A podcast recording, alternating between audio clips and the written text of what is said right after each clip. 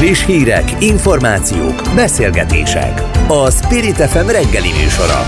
Indítsa velünk a napot, hogy képben legyen. A mikrofonnál Lampi Ágnes. Nagyon kellemes szép reggelt kívánok mindenkinek, illetve hétfő reggelt, mert hogy október 17-e van. Tóró Nikolett szerkesztő nevében is köszöntöm Önöket. Mindjárt Gáspár Kristóffal, a Paradigma Intézet elemzőjével kezdünk. Téma természetesen a nemzeti konzultáció, illetve annak kérdései, hatásai. Erről fogunk beszélgetni, illetve erről is, meg arról is, hogy Orbán Viktor önkéntes katonák eskütételén járt, illetve harcművek átadása alkalmával tartott ünnepén, ünnepségen. Például többek között arról beszélt, hogy ideje feléleszteni magunkban a katona szellemet, mert ahogy fogalmazott, az a nép, amely nem képes erre a jövőben bizonyosan elbukik majd. Ugye erről is kérdezem majd az elemzőt.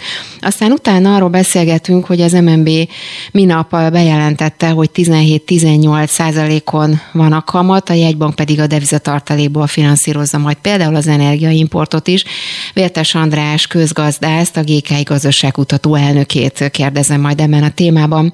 Aztán utána szó lesz élelmiszerbiztonságról, élelmiszerellátásról, illetve annak az aktuális kihívásairól, árakról, természetesen inflációról. Erről majd Nobilis Mártont, az Agrárminisztérium élelmiszeriparért és kereskedem politikáért felelős államtitkárával beszélgetünk a kormány szankciókról szóló nemzeti konzultációja helyett annak kiváltására zöld alternatív konzultációt indít már, mint az LMP. Hogy ezt hogyan képzelik, és ennek milyen hatása lehet egyáltalán, arról majd Kanász Nagy Mátét, az LMP frakcióvezetőjét, frakcióvezető helyettesét kérdezem. És utána szó lesz még arról, hogy hogyan alakul a wellness, illetve a szállodák helyzete, mert hogy szakértők szerint a magyarországi wellness szállodák több mint 25%-a bezárhat az idei térre, és és hát ebből következően nagy kérdés, hogy a dolgozók mekkora részét küldik el, egyáltalán lesz-e bezárási hullám, erről is beszélgetünk majd. Spirit FM 92.9 A nagyváros hangja Megjelentek a szankciókról szóló nemzeti konzultáció kérdései. A hét kérdés mindegyike egy-egy szankciós lépéssel kapcsolatban kéri ki a lakosság véleményét. Hollik István, a Fidesz kommunikációs igazgatója azt mondta, azt várják a nemzeti konzultációtól, hogy több millió magyar ember véleménye kikényszerítheti az Oroszországgal szembeni uniós szankciós politika megváltoztatását. A telefonnál Gáspár Kristóf, a Paradigma Intézet elemzője. Jó reggelt kívánok! És jó reggelt kívánok, köszöntöm a hallgatókat. Na kezdjük akkor a, a nemzeti konzultáció kérdéseivel, illetve annak a hatásával. Ugye ez az idézet, ami az előbb itt elhangzott Hollik Istvántól, hogy egyrészt több millió magyar ember véleménye. Arra számít ön is, hogy több millió magyar ember részt vesz a konzultáción, és elmondja a véleményét a kérdésekre? Hát arra, hogy több millió arra, arra nem feltétlenül számítok arra, hogy nagyon sok és legalább milliós nagyságrendű ember részt fog venni ezen a nemzeti konzultáción, arra mindenféleképpen. Ugye az előző nemzeti konzultációkon is ezért az volt a trend, hogy eh, legalább a Fidesznek a törzs szavazói jellemzően részt vettek, és ez azért átlagban eh, legalább egy millió, picit több mint egy millió ember jelentett az utóbbi években. Volt a nemzeti konzultáció, mint 2,3 millió ember vett részt. Összesen ugye 2017-ben az emlékezetes stop soros nemzeti konzultáción, úgyhogy ezért példa volt már rá, hogy nagyon sokan részt vesznek. Most nem látom feltétlenül egy ilyen gazdasági válság közepén, hogy pont mindenkinek a nemzeti konzultációt lesz majd kedve kitölteni, és ebbe látja az értelmét, de az, az, arra azért jó esélyt tennék, hogy legalább egy millió ember, talán másfél millió ember is ki fogja tölteni ezt a nemzeti És arra mekkora esélyt lát, amit Hollik is elmondott, hogy ha nem is több millió, de akkor mondjuk egy millió magyar ember véleménye kikényszerítheti az Oroszországgal szembeni uniós szankciós politika megváltoztatását, ugye egész konkrétan így fogalmazott Hollik István. Nyilván ugye ez egy belpolitikai eszköz, ez, ez nekünk, nekünk magyaroknak, választópolgároknak szól, azért ezt a külpolitikában, még hogyha tényleg sok millió magyar embernek a véleménye is ott lenne Orbán Viktor tarsolyában, ezt a papírt lobogtathatná Brüsszelben, de hát azért lássuk be, hogy nem, nem feltétlenül ez alapján hozzák meg a nagy gazdasági, illetve külpolitikai döntéseket az Európai Unió vezetői, és a hát Orbán Viktor is azért nem ez alapján hozta meg azt a döntést, hogy az elmúlt nyolc uniós csomagot mindegyiket kivétel nélkül megszavazta, azok közül csak nagyon kevés esetben kapott bármilyen kitvételt Magyarország, és most azért ezek a kérdések is vélt már megtörtént, vagy pedig, hát ha nem is feltétlenül asztalon lévő, de igazából ilyen rebesgetett szankciós lépésekről szólnak, úgyhogy igazából nagyon nehéz megmondani, hogy milyen hatást szeretne Orbán Viktor e-, ettől kicsikarni a nemzetközi porondon, belpolitikai szinten sokkal egyértelműbb, újra tematizálni szeretné, újra egy keretet szeretne adni a magyar politikának, újra Orbán Viktor szeretne minden szempontból a főszereplője és egyetlen meghatározója lenni a magyar politika történésének, és ez a brüsszeli szankciókról szóló nemzeti konzultáció, ahogy a korábbi években is, úgy most is egy, egy eszköz tud lenni. Minden háztartásban ott lesz, és mindenki látni fogja, hogy mit tett, vagy mit szeretne tenni Brüsszel. Ahogy a korábbi években is megszokhattuk, ez azért egy jól működő és bevált eszköz volt. Valószínűsíthető, hogy azért most is egy komoly sikereket várhat Orbán Viktor. Azzal egyébként, illetve a Fidesz is, azt, azt azért nyilván viszont hozzá kell tenni, hogy ez azért egy picit más ez a konzultáció, mint a korábbi években volt. Azért, is azért beszéljünk már hogy miben más ez a konzultáció, hogy mennyiben más, vagy mennyire hasonlít a korábbi célokhoz. Ahogy ön is említette, nyilván korábban is talán belpolitikai célzatai lehettek, a kommunikációban volt szerepe, nyilván a, a közbeszéd tematizálásában is lehetett szerepe, de azért ezek a kérdések, amelyek ugye itt az olajszankciókra, gázszállításra vonatkozó szankciókra, nyersanyagokra, vonatkozó szankciók, nukleáris fűtőelemekre, Szóval ezekben ebből a szempontból mennyire mások ezek a kérdések, mint korábban, mennyire tendenciózusak, vagy mennyire tárgyilagosak, ebből a szempontból mennyire lehet mondjuk bízni akár az emberek véleményében?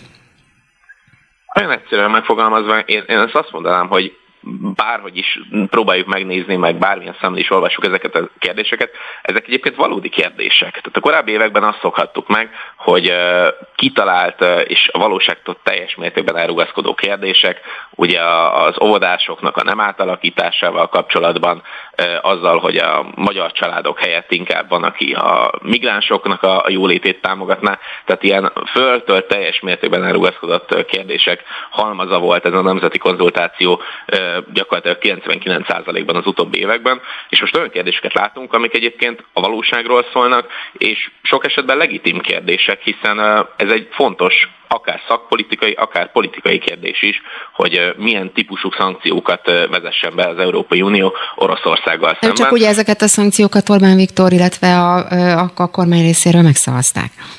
Így van, és hát nyilván ezt teszi ö, nagyjából azért hasonlóvá, legalábbis a stílusát a korábbi nemzeti konzultációkról hoz, hiszen ugye pontosan az a lényege, hogy, hogy megint nem arról van szó, hogy itt előre kikérnének bármilyen típusú véleményt, és ez alapján hoznának meg a döntéseket a kormányban, hanem arról van szó egyébként, hogy már megtörtént eseményekről egy ilyen utólagos újrakeretezés, újraértelmezés próbál adni a kormány, és nyilván legitimációt próbál gyűjteni ezzel az eszközzel, ami kommunikációban, belföldön mindenféleképpen jól hasznosítható, de majd biztos lesz olyan is, amikor el tudja mondani az Európai Unió vezetőinek, hogy hát a magyarok véleménye szerint nem kell szankció a paksi atomerőmű bővítésére, bővítésével kapcsolatban, úgyhogy nyilván ebből a szempontból is ilyen. És hát, hogyha csak ránézünk erre a, a, a nemzeti konzultációra, hát a kérdések ugye a legkisebbek, az állítások, a, a sok esetben viszont nem feltétlenül igaz állítások kerülnek sokkal nagyobb betűmérettel megjelenítésre, hiszen ugye az egész konfliktust Orbán Viktorék úgy próbálják leírni, mint hogyha itt nem lenne egy háború, mint ha itt nem lenne egy agresszor, kizárólag a brüsszeli szankciók vannak, ami miatt minden rossz, valójában viszont ez legalább egy három lépcsős probléma, kitört egy háború, arra az európai országok reagáltak, és erre reagált aztán Oroszország azzal, hogy például csökkentette a gázszállítást az Európai Unió irányába, és ezért drágult meg a gáz ennyire. Szóval uh, nyilván ne leegyszerűsíti a valóságot, de legalább a kérdések egyébként most a valóságról szólnak, még hogyha egy nagyon egyszerű és nagyon-nagyon uh, politikai kommunikáció által átítatott módon. Akkor folytassunk már onnan, a, a, ami ehhez kapcsolódik a, a szankciókról, mert hogy ugye Orbán Viktor szombaton egy ünnepségen vett részt, ahol a önkéntes katonák tettek esküt, és különböző harcjárműveket adtak át, és ugye ennek az alkalmából tartottak egy ünnepségen, ünnepséget, és ott például azt mondta Orbán Viktor, hogy a szankciók ugye megrendítik Európát, és hasonlóan fogalmazott, de hát korábban is ugyanezeket mondta, és hogy ideje feléleszteni magunkban például a katona szellemet, mert az a nép, amely erre nem képes jövőben bizonyosan elbukik majd. Egy picit rakjuk már össze akár ezt, ezeket az üzeneteket a, a nemzeti konzultációval. Mennyire kapcsolódik ez össze, akkor inkább így kérdezem. Mindenféleképpen összekapcsolódik, hiszen azért az utóbbi, mondjuk az idei évben nagyjából miatt a legalábbis a háború kitört, és azóta van picit megemésztettük, hogy háború zajlik a szomszédban, azóta a kormány szerintem próbál valamilyen egységes kommunikációs keretben kampányolni. Ugye azzal kezdődött, hogy hát békét szeretnénk, és ez a béke üzenet ez azért most is kitart, és az egyébként egy igaz állítás, hogy a békéhez valamilyen fajta erőt fel kell tudni mutatni. Nem feltétlenül egy Magyarország méretű országnak, nem feltétlenül Magyarország gazdasági teljesítmény alapján indokolt honvédségnek a, a fejlesztésével, de ezek egyébként fontos és szimbolikus lépései, és egyébként nyilván a NATO felé tett vállalásainak fontos lépései. Én azt gondolom egyébként, hogy hogy az, az, az nem ördögtől való, és azt szerintem sose volt ördögtől való, hogy a, a honvédségre meg a hadseregfejlesztésre költsünk, az már inkább indokolható, hogy hát egy ilyen hatalmas nagy gazdasági válság közepén, amikor hónapokra leállítja a magyar kormány és a magyar állam a bármilyen fajta kifizetéseket a béreken túl, azért, és látjuk, hogy milyen rosszak a gazdasági adataink sajnos az országnak, biztos, biztos, hogy így és ilyen formában kell költeni, akár egy nemzeti konzultációra, akár pedig a honvédségre is, hiszen nagyon sok fejlesztés történt az utóbbi években a honvédség kapcsán, lehet, hogy nem most ennek kellene a prioritásnak lennie, nemzeti konzultációnak pedig biztos nem, hiszen ugye tudjuk jól, hogy milyen drága volt már a nemzeti konzultáció, ami reklámköltséggel együtt legalább 6 milliárd forintba került, most egy elszabaduló infláció, és egyébként teszem hozzá egy nagyon erős papírhiány és papír drágulás kapcsán ez simán 10 milliárd forint környékére is tehet, amire hát nem biztos, hogy a költségvetésnek most, most biztosan jó, jó módon lenne elköltve a pénzt. Na innen folytatjuk, majd még köszönöm szépen Gáspár Kristófnak, a Paradigma Intézet elemzőjének, hogy mindezt elmondta nekünk. Szép napot önnek, viszontlátásra! Szép napot, viszontlátásra! Spirit FM 92.9 A nagyváros hangja Csütörtök reggel új történelmi mélypontjára zuhant a forint, az euróval szembeni árfolyama a 434-es szint felett is járt. Ennek hatására a Magyar Nemzeti Bank új intézkedéseket jelentett be pénteken. A jegybank a jövőben közvetlenül biztosítja az energiaszámla kiegyenlítéséhez szükséges deviza nagy részét. Bár az alapkamat változatlan maradt, a kamat folyósó tetejét, az egynapos fedezett hitel kamatát 25%-ra emelték. A gazdaság helyzetéről Vértes Andrást, a GKI gazdaságkutató elnökét kérdezzük. Aki már itt van velünk a telefonban. Jó reggelt kívánok! Jó reggelt kívánok! Na nézzük akkor ezeket az intézkedéseket, és kezdjük már a, a forint árfolyamával kapcsolatos intézkedésekkel. Utána aztán jó nagyot visszazuhant a, a forint, úgyhogy volt, volt egy kis hintázás, ahogy így szokták mondani a szakemberek. Hogy értékeli az MNB-nek ezt az intézkedését, már mint ami a forintra vonatkozik? Hát őszintén mondva ezt még nem lehet tudni, hogy ez hogyan, hogyan, foly, hogyan fog ez működni az elkövetkező időszakban. Azt, ugye Zsizai Viktornak volt egy ötlete, lényegében az ő ötletét hát csinálták meg ebben a, ebben a lépés sorozatban, ez azt jelenti, hogy a gázváltáson a, a, a, ezen keresztül mennek a dolgok, és ennek következtében ezt könnyebben meg lehet csinálni, tehát az MVM közvetlenül megkapja azt a pénzt, amit neki szüksége van. De ez ennek a másik oldala, és ez az, amiért ugye Parag László hát lépett föl, hogy a hitelpiacot ez viszont kiszárítja. Így van, tehát ugye sajnos nem lehet a, a, a, a gazdaság egy olyan dolog, amelyben ha egyik helyen benyúlunk, akkor egy másik helyen is általában lépni kell. Ebben Parag úrnak volt, azt gondolom, hogy igaza. Ő azt mondta, hogy a beruházások visszaesését fogja ez a vállalatok ezreinek csődjeit, és bizony-bizony, az én is azt gondolom, hogy ez a munkanélküliséget növelni fogja, stb. stb. Tehát pontosan olyan irányokat is csinál, amely nem kellemes, ami, ami nagyon-nagyon sok embernek, nagyon sok cégnek, problémát fog okozni az elkövetkező A GK-nak ugye volt egy előrejelzése, ugye 3,7%-ról 4,5%-ra emelték a, a 2022 évi növekedési előrejelzés, miközben 23-ra már nem 2,7%-os növekedés, hanem 3,5 körüli visszaesést prognosztizáltak, és hát ahogy írták, ugye a recesszió nagyjából 2023 közepéig jellemző lehet a mostani stagnálás után. Ez mit fog jelenteni akár az árak tekintetében, akár az árfolyam tekintetében? Hogy látja, hogyan alakul mondjuk a következő fél év a tendenciák alapján? Hát az, az elkövetkező fél év egy nagyon nehéz időszak lesz. Magyarországnak ugye a, a, a, muszáj lesz valamilyen irányban elindulni. Ez az, ez az irány, ez természetesen nagyon nehezen megtalálható, ugye, hiszen most a kamat probléma. Tehát a, a, a, a leglényegesebb probléma most az, az lesz, hogy hogy hogyan lehet kamatot hát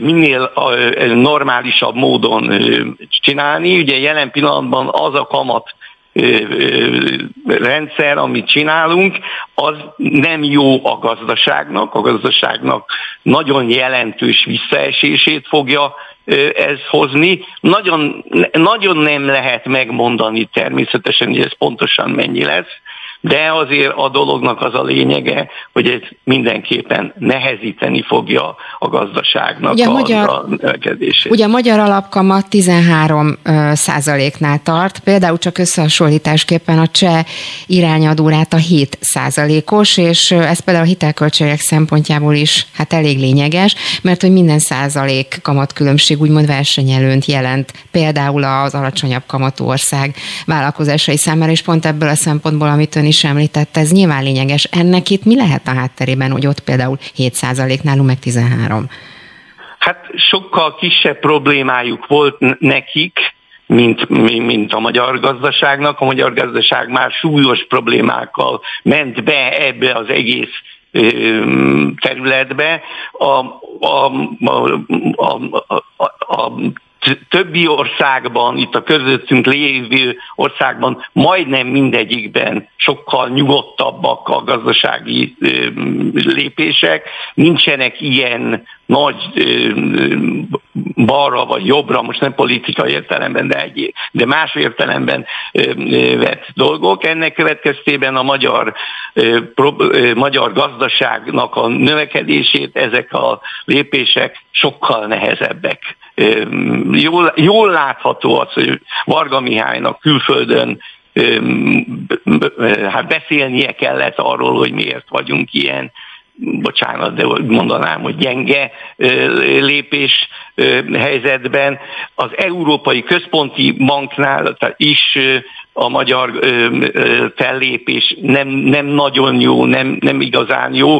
Itt a magyar, a magyar kamat az, az ilyen 20-23 százalék lesz az elkövetkező időszakban, úgy gondoljuk, mondjuk az Európai Központi Banknál ez olyan, olyan 7 százalék, tehát, tehát óriási különbségek vannak ennek következtében, és természetesen ez nagyon nagy kérdés, hogy, hogy az Európai Uniós pénz is megjön-e Magyarországra, mert anélkül az egészen biztos Magyarországnak nagyon-nagyon nagy nehézségei mhm. lesz. Még egy utolsó kérdés a végére a devizatartalékokkal kapcsolatos, mert az, hogy például mekkora hát devizatartalék szükséges egy, egy ország pénzügyi biztonságához, hát erről ugye megoszlanak a, a vélemények, de mondjuk, ha itt már összehasonlítjuk ugyanezt a helyzetet, például mondjuk Magyarország és a csehek esetében, a cseheknél ugye 156 milliárd eurót meghaladó devizatartalékkal érte utol például az orosz-ukrán háború,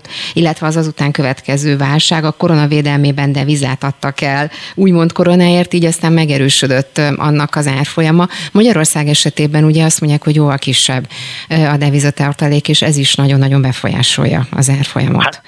Pontosan ez egyik legnagyobb problémánk, hogy a kicsi, túl kicsi a devizatartalék, muszáj volt ezt a, ezt a lépéssorozatot megcsinálni, amit most ugye megtettek. Ez lényegében azt jelenti, hogy ennek egy részét felhasz, el, elhasználjuk most az elkövetkező időszakban.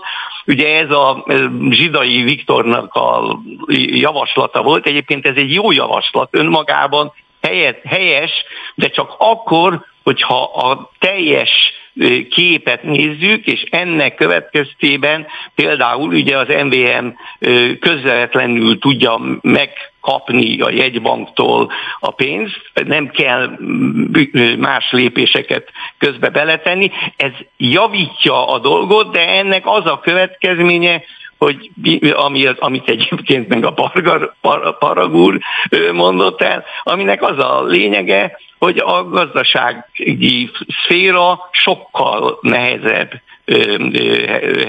helyzetbe kerül az elkövetkező időszakban, és bizony nagyon nehezen lehet majd hitelhez jutni Magyarországon itt belül. Tehát sajnos az egyik pozitív lépésnek van egy negatív hát, hát területe, és nem lehet ezt, ettől, szóval ebből, ebből nem, nem lehet azt mondani, hogy mind a kettőt, kérnénk szépen, ez, ez így nem működik, ez úgy működik sajnos csak, hogy egy, ha ez az egyiket meglépjük, tehát a zsírdaliék javaslatát meglépjük, és, és azt gondolom, hogy ez egy helyes lépés volt, de akkor ennek az az, eme, az a másik oldala, hogy drasztikusan megemelkednek a kamatok, olyan, ahogy már említettem, olyan 20%-os kamat ö, körül fogunk menni, ami hát nyilvánvalóan nagyon nem jó. Hát lesz miről beszélgetnünk a következő időszakban, abban biztos vagyok. Vértes Andrásnak, a GK elnökének. Köszönöm szépen, hogy mindezt elmondta nekünk. Én is köszönöm, Szép napot kívánok, viszontlátásra. Minden jót. Friss hírek, információk, beszélgetések. A Spirit FM reggeli műsora. Indítsa velünk a napot, hogy képben legyen. A mikrofonnál Lampi Ágnes. Az élelmiszerellátás nemzet stratégiai kérdés. A cél, hogy önállátóvá tegyük a magyar élelmiszeripart, mondta Nobilis Márton államtitkár a Vidékkonferencia 2022 nevű rendezvényen. Hangsúlyozta, a mezőgazdaságot és az élelmiszeripart stratégiai ágazatként kezelik. A témában vendégünk Nobilis Márton az Agrárminisztérium élelmiszeriparért és kereskedelem politikáért felelős államtitkára. És itt van már velünk a telefonban. Jó reggelt kívánok! Jó reggelt kívánok! Ha megengedi, kezdjük már az élelmiszer árakkal, mert hát nyilván nagyon sokakat ez érint meg. Hát az, hogy mi, mi, mi mennyibe kerül, hogyha bemennek a boltba. Ugye néztük a, az árakat ezzel kapcsolatban, és ugye azt látni, hogy az EU-n belül Magyarországon drágul a legnagyobb mértékben az élelmiszerek ára. Ön hogy látja, mi lehet ennek az oka? Ha például csak a kenyérárát nézzük, ugye 21 és 22 augusztusa között itt Magyarországon átlagosan több mint 60% kal lett magas magasabb, miközben mondjuk a minket körülvevő országokban ez az arány nagyjából 30 százalék. Szóval mi ennek az oka, hogy látja? Nézze, azt látnunk kell, hogy a második világháború óta nem volt ilyen nehéz helyzetben az európai mezőgazdaság. Ezen belül az élelmiszeripar egy rendkívül népes és heterogén ágazat, amely kb. 3900 vállalkozást 33 szakágazatba sorolva tart Magyarországon, a, azt kell látni, hogy az elhibázott brüsszeli döntések, a szankciós politika, az asszály együtt, ezek mind-mind befolyásolják az, élelmiszeripar, az élelmiszerek árát, hiszen a, az élelmiszerár az egy rendkívül energiafüggőségnek van kitéve, úgyhogy leginkább azt mondanám, hogy a, a szankciós politika az első kérdés. A második az asszály. Az asszály által az alapanyag sokkal drágábbá vált. Illetőleg azt is látni kell, hogy a háborúnak következtében például az élelmiszeriparra ható egyéb ágazatok, mint a csomagolóipar, ezek is befolyásolták az árat. Úgyhogy azért kell szurkolnunk első körben, hogy meg tudjuk kötni a békét, és az október-november, vagy november-decemberben a szankciós politikát újra gondolják az Európai Unióban, ebben reménykedünk, hiszen az azonnal visszaesést okozhatna az árakban. Beszéljünk akkor a, az asszályról, ugye említette ön, ön is, hogy ez mekkora és milyen problémát okozott az elmúlt időszakban.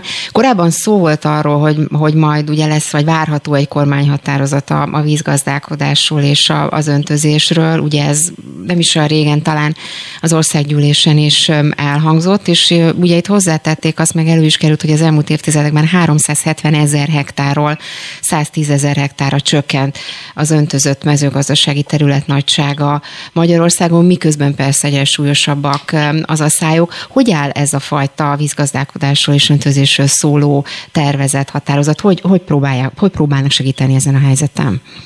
Alapvetően az öntözésről, amikor beszélünk, akkor három részre kell osztani a kérdést. Külön kell foglalkozni a vízkészlet elérhetővé tételével, az öntözéses, öntözéshez kapcsolódó főművi csatorna és a tároló fejlesztésekkel, valamint a gazdálkodók saját öntözésfejlesztési beruházásai, illetve a gazdálkodóknak a szemléletformálásával. Alapvetően nagyon fontos, hogy a gazdálkodóknál is szemléletváltás álljon be, hogy a vizet megtartsák.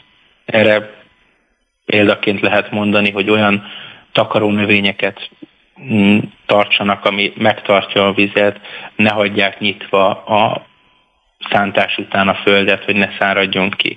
De egyébként a az öntözésben a gazdálkodók 2014-től 50 milliárd forint támogatásra pályáztak sikerrel, és ez folyamatosan nyitva van öntözésfejlesztés típusú beruházásokra, de nem megkerülve a kérdést, készülünk egy olyan stratégiával, ami meg háromszorozhatja az öntözhető területek számát. Ezzel rövidesen előtt. Ezt hogyan, hogyan tervezik, hogy lehet ezt, hogy lehet ezt megoldani, meg háromszorozni?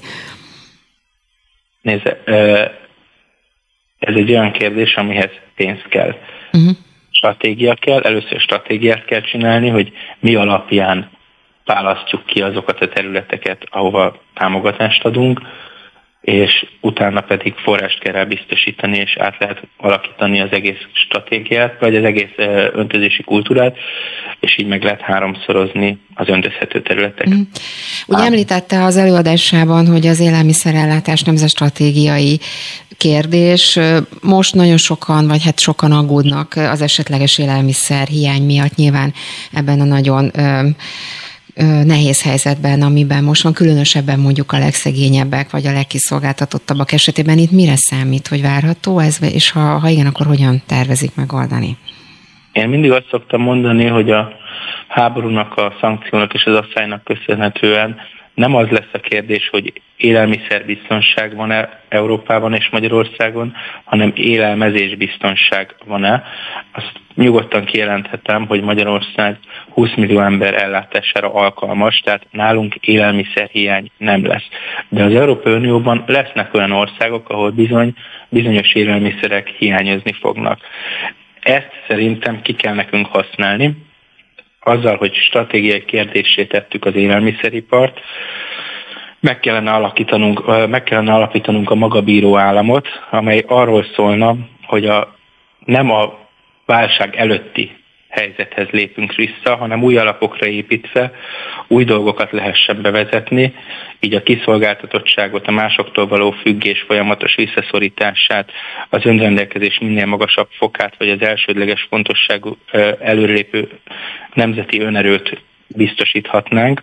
És erre milyen erre, tervek vagy, vagy javaslatok vannak? Egyáltalán magát ezt, amit említett az előbb, az élelmiszerbiztonságot, ami Magyarországot jellemzi, azt, azt mire lehet alapozni?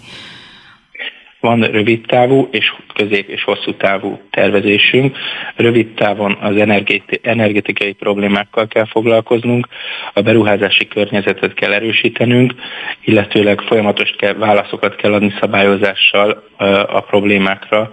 Például ilyen volt a olajnál az a probléma, hogy ugye a napraforgó kitettség az ukrán területeknek az rendkívüli módon érintette az olajipart, ezért az OFA engedély, OFA határozattal helyettesítésre adtunk lehetőséget. Közép és hosszú távok terveknél ott van az, hogy 21-27-es Európai Uniós ciklusban megemeltük az élelmiszeriparra költhető forrást, korábban 468 milliárd volt, most 750 milliárd forint lesz. Fontosnak tartjuk a digitalizációt, az innovációt, a fogyasztói edukációt és a finanszírozás adózási környezet kedvezményesebb tételét. Innen fogjuk akkor folytatni. Nagyon szépen köszönöm Nobilis Mártonnak, az Agrárminisztérium élelmiszeriparért és kereskedelem politikáját felelős államtitkárának, hogy tudtunk beszélni. Szép napot kívánok önnek, viszont állásra minden jót. Spirit FM 92.9 A nagyváros hangja a kormány szankciókról szóló nemzeti konzultációja helyett annak kiváltására zöld alternatív konzultációt indít az LMP. Ezt a párt társelnöke Ungár Péter árult el a Magyar Hang Gulyás Ágyú című podcastjában. Mindeközben azt is kérik, a kormány újra engedélyezze a villamosenergia betáplálását a hálózatba. A vonalban Kanász Nagymáté az LMP frakció vezető helyettese. Így van, jó reggelt kívánok! Jó reggelt kívánok mindenkinek! Kezdjük már magával a formával. Ugye itt elhangzott az előbb, hogy nemzeti konzultáció helyett alternatív konzultációt indítanak. Az, hogy pont ezt a formát választották, amit egyébként a kormány is alkalmaz, ez teljesen tudatos döntés volt az LNP részéről? Tulajdonképpen igen, hiszen valóban egy erős zöld alternatívát szerettünk volna mutatni a kormány most magára a formára gondolok, tehát magára úgymond a nemzeti konzultációs formára igen, választként igen, igen, jött ez az ötlet? Uh-huh. Igen, erre, erre rímel, erre rímel. Tehát minél szélesebb körbe szeretnénk kikérni az emberek véleményét valóban. Hogyan tervezik, mik lesznek a kérdések, és a kérdésekben is hasonló jellegű szakmai kérdések lesznek, mint mondjuk a nemzeti konzultáció esetében? Hogyha összehasonlítjuk, akkor azt látjuk, hogy a kormány kérdései, ezek ugye most már megjelentek, abszolút arra vonatkoznak, hogyan lehet megtartani Magyarország fosszilis energiafüggését. Ez ugye egy rossz út, pláne itt az energiaválság kellős közepén. A jelenlegi válságos helyzetet pontosan a fosszilis energiától való függés és az ehhez való ragaszkodás okozza. Ezzel szemben az LMP kérdései viszont a 21. századi fenntartható zöld megoldásokra kérdeznek rá, így a napenergia használatára, a szélenergia használatára, a szigetelési programra, a fenntartható közösségi közlekedésre, itt ugye egy klímabérlet bevezetését szorgalmazzuk, de akár az atomenergia kérdésére vonatkoztatva is van kérdésünk. Mikor indul, egyáltalán mi lesz a menetrendje az önök konzultációjának? Ezt a konzultációt most már elindítottuk, ezt a hétvégén kellett elindítanunk, hiszen ugye próbáltuk úgy időzíteni, hogy ez a kormány kérdéseivel egy időben jelenjen meg, tehát egy időben tudjuk kitölteni a kormányzati konzultációt, illetve az LMP konzultációját. Én ez utóbbit ajánlom mindenkinek, hogy töltse ki.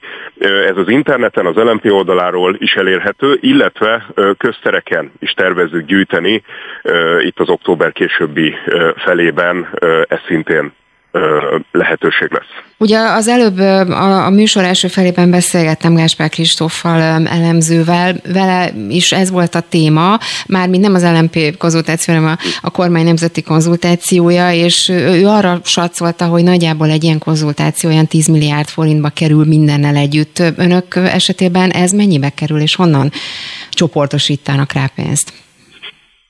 Mivel ugye mi nem küldünk ki minden háztartások levelet, erre a kormányzatnak van lehetősége, ezért gyakorlatilag, mivel alapvetően egy online internetes konzultációról van szó, illetve még egyszer saját erőforrásból aktivistáink, segítőink ugye közterekkel is meg fognak jelenni, ez gyakorlatilag nulla forintból valósul meg ilyen szempontból is a mi konzultációnk valóban zöld és valóban fenntartható, a karbon lábnyoma és gyakorlatilag nulla, hát a kormány konzultációjához képest, hogyha lehet egy ilyen összehasonlítást is tenni. Mhm. Mit várnak egyébként az eredménytől, hogyan tudják használni? Szóval egyáltalán, hogyha meg lesznek az eredmények, akkor mi a terv velük, mármint az eredményekkel? Mindenképpen a kormányt fogjuk szembesíteni a válaszokkal, és tényleg azt a különbségtételt szeretnénk mindenképpen egyértelművé tenni, hogy a kormány az eddigi megoldásokban gondolkozik, abban gondolkozik, hogy a fosszilis energiát hogyan lehet továbbra is megtartani, hogyan lehet az oroszoktól kőolajat, földgázt vásárolni a következő időszakban is, hogyan lehet tiltani a megújuló energiák használatát, mi pedig pontosan abban vagyunk érdekeltek, hogy megújuló energiák segítségével, hatékonysági beruházási programok segítségével, például országos épületszigetelési program, hogyan lehet megszabadulni a foszilis energiától, ami drága, ami klímaromboló, és ami egyáltalán nem egy biztonságos, pláne ebben az időszakban, amit jelenleg élünk. Mhm. Még egy kérdés a végére a szélerőművekkel kapcsolatban. Ugye itt volt arról szó, hogy határozatjavaslatot készített az LMP ezzel kapcsolatban, mármint hogy a településeken, ugye, köz, tehát települések közelében szélerőmű létesülhessen. Ez ügyben várnak-e bármilyen fejleményt, és hogyan tervezik ezt továbbvinni vagy végigvinni? Itt arról van szó, hogy 2016 óta kormányrendelet tiltja gyakorlatilag a szélerőművek telepítését Magyarországon. Minden eszközzel azon vagyunk, hogy ezt fel lehessen oldani, és nagyon reménykeltő volt, amikor Orbán Viktor még néhány héttel ezelőtt azt mondta a parlamentben a kérdéseinkre, hogy gondolkoznak ezen, kormányon belül is vita van, és jó lenne, hogyha az országgyűlés megtárgyalna ezt a kérdést. Mi azt szeretnénk, hogy ne csak az országgyűlés, de a teljes magyar eh, nemzet konzultáljon erről a kérdésről. Erre vonatkozik ugye az egyik kérdésünk, a saját zöld konzultációnkban. A helyzet az, hogy múlt héten volt egy negatív fejlemény, az LMPR-re vonatkozó javaslatát, hogy tárgyalja ezt a parlament, sajnos az illetékes parlamenti bizottság Fideszes többsége leszavazta, tehát úgy látszik, hogy a kormányon belüli vita még mindig nem dölt el, de mi nagyon szeretnénk, hogyha a miniszterelnök úrnak az akarata érvényesüljön, és tényleg legyen erről vita, meg kell erről győzni, úgy látszik a fideszes minisztereket, képviselőket, mi ezen vagyunk. Ugye még egy dolog, és akkor ez ehhez kapcsolódik, amit mond, korábban ugye Tetlák Őrső, a, a, a párt elnökségének a tagja, úgy fogalmazott ezzel kapcsolatban, hogy szerinte a tiltásnak az a valódéka, hogy a megújuló energia használatának elterjedésével úgy világossá válna, hogy nincs szükség Paks 2 beruházásra. Ugye most úgy látszik, hogy a, a kormány részéről ugye többször is elhangzott, hogy, hogy folytatják a Paks 2 beruházást, tehát pont az ellenkező irányba látszanak, hogy ellenkező irányba alakulnak a, a dolgok ezzel kapcsolatban. Sajnos ez így van, de ezért kell azért harcolni, hogy a megújulókat mégiscsak használni lehessen. Például most is volt egy botrányos intézkedés, néhány nappal ezelőtt kiderült, hogy felmenő rendszerben, de megtiltják a háztartásoknak és vállalkozásoknak, akik napelemeket telepítenek, használnak, hogy betáplálják a megtermelt energiát a rendszerbe, tehát aki eddig ugye napelemet szerelt fel a házára, az el tudta azt érni, hogy nulla forint legyen éves szinten a, a villanyszámlája, most ezt a lehetőséget is elveszi a kormány. Teljesen egyértelmű, hogy azért teszik ezt, mert tényleg ragaszkodnak az orosz függéshez, akár a Paks 2 beruházás terén, akár hogyha a fosszilis energiáról beszélünk, de hát ez egy rossz téves út, és fel kell hívni a figyelmet, hogy az előre, a 21. században, a fenntarthatóságba az a zöld megoldások képviseletét jelenti. Kanász Nagy Máténak, az LNP frakció vezető helyettesének köszönöm szépen, szép napot adnak, viszontalásra. Köszönöm szépen. Spirit FM 92.9 A nagyváros hangja az energiaválság az éttermeket és szállodákat is érinti. A költségek egy része beépíthető az árba, de így is volt olyan tulajdonos, akinek be kellett zárnia. Januártól pedig jön a vendéglátó egységek adatszolgáltatási kötelezettsége. Az ehhez szükséges szoftver és hardware beszerzésének költsége további terheket jelenthet. Az ágazat helyzetéről Baldauf Csabával, a Magyar Szállodák és Éttermek Szövetségének elnökével beszélgetünk. Aki reményeim szerint itt van velünk a telefonnál, illetve hogyha nincs akkor a kolléganő már is visszahívja, mert hogy ugye azzal kapcsolatban fogom őt majd kérdezni, hogy itt például Festamás a Magyar Szállodák és Éttermek Szövetségének tiszteletbeli elnöke úgy fogalmazott, hogy szerinte csak ha mondjuk a wellness szállodákra beszélünk, akkor azoknak a több mint 25%-a bezárhat az idén, de ennél rosszabb prognózisa is voltak. Jó reggelt kívánok! Jó reggelt kívánok! Ön hogy látja, mennyire lesz súlyos a helyzet, mekkora az az arány, akár a wellness vagy más szállodák esetében, ahol bezárásra lehet számítani? Hát nehéz prognózist adni, én azt gondolom a jelen helyzetben, hiszen még rengeteg a bizonytalansági tényező, de én azt gondolom, hogy úr azért nagyjából egy reális számot mondott, de én azt is hiszem, hogy ettől azért még a 25%-tól adott esetben nagyobb mértékű bezárások is várhatók. Ugyanakkor, hogyha netán itt a gázár és a forint-euró árfolyam kedvezőbben alakul, és ez nyilván kihatna adott esetben a villamosenergia árakra is, akkor elképzelhető, hogy talán egy kicsit kevesebb szálloda lenne érintett a bezárások kapcsán. Jelen pillanatban ezt nem lehet megmondani, ugyanakkor már most látjuk, a, és napi szinten a hírekben halljuk is, hogy folyamatosan jelentik be szállodák október 1-től, november 1-től, hogy szüneteltetik, vagy felfüggesztik a tevékenységüket 4-5-6 hónapra. Uh-huh. Tehát akkor arra számít, hogy ez, ez várható. Azért kérdezem ezt, mert Festemest egyébként még korábban egy interjúban azt mondta, hogy nagyon nagy gondban van az egész turisztikai szakma, hozzátett, hogy jóval nagyobb a baj, mint ahogy mondjuk korábban a Covid idején volt, és azt is hozzátette, hogy nagyon persze nyilván nehéz kiszámítani, mert hogy változóak a számok, de hogy az áramnál például tízszeres, gáznyál legalább nyolcszoros szorzóval szembesült néhány vendéglátó, és mondott egy példát is, hogy van mondjuk egy 150 szobás vidéki wellness szálloda, a rezsiköltsége eddig havi 12-15 millió forint volt, most 100 millió forint lesz, így fogalmazott, ami hát az ő számításai szerint nyilván nem kigazdálkodható, és feltételezem, hogy nem egyedi esetről van szó. Abszolút nem, és ezekkel a számokkal nem is lehet vitatkozni, mert ez a valóság. Tehát uh, ilyen szempontból tény és való, hogy a és ezt korábban én is nyilatkoztam, hogy úgy tűnik, hogy ez egy még nagyobb ütés lesz a, a, az ágazaton. Itt ugye nem arról van szó, hogy egy bizonyos ideig a vendégek nem jöhettek a szállodába, és lényegében egy, egy későbbi kereslet valósult meg, hanem egyrésztől itt a gazdasági helyzetből adódóan nagy valószínűséggel egy jelentős kereslet csökkenés várható, és ez kiegészül egy olyan szintű áremelkedéssel, aminek a, a hogy mondjam, a metszetét, azt, azt, azt már képtelenek lesznek önerőből a, a szállodák kigazdálkodni, ezért is fordult a szövetségünk a kormányhoz, és tett javaslatokat annak érdekében, hogy próbáljuk a vállalkozásokat és a vállalkozásokban e, foglalkoztatott munkavállalókat valamilyen úton, módon e, megmenteni, nyilvánvalóan egy közös összefogás e, eredményével, vagy mhm. eredményeképp. Egyébként az, hogy a januárban ugye adatszolgáltatásokat elhalasztanák, vagy elhalasztása, ez mennyire enyhít a helyzetem, vagy mennyire segít önökön? A, most ezt ne arra, ugye nem értettem, adatszolgáltatás elhalasztása, így hallottam a igen, hogy ez körülbelül mekkora ezeknek az elhalasztása, hogyha ez segítséget nyújt önöknek, akkor az mennyire enyhít, vagy mennyire segíthet az önök helyzetén? Aló?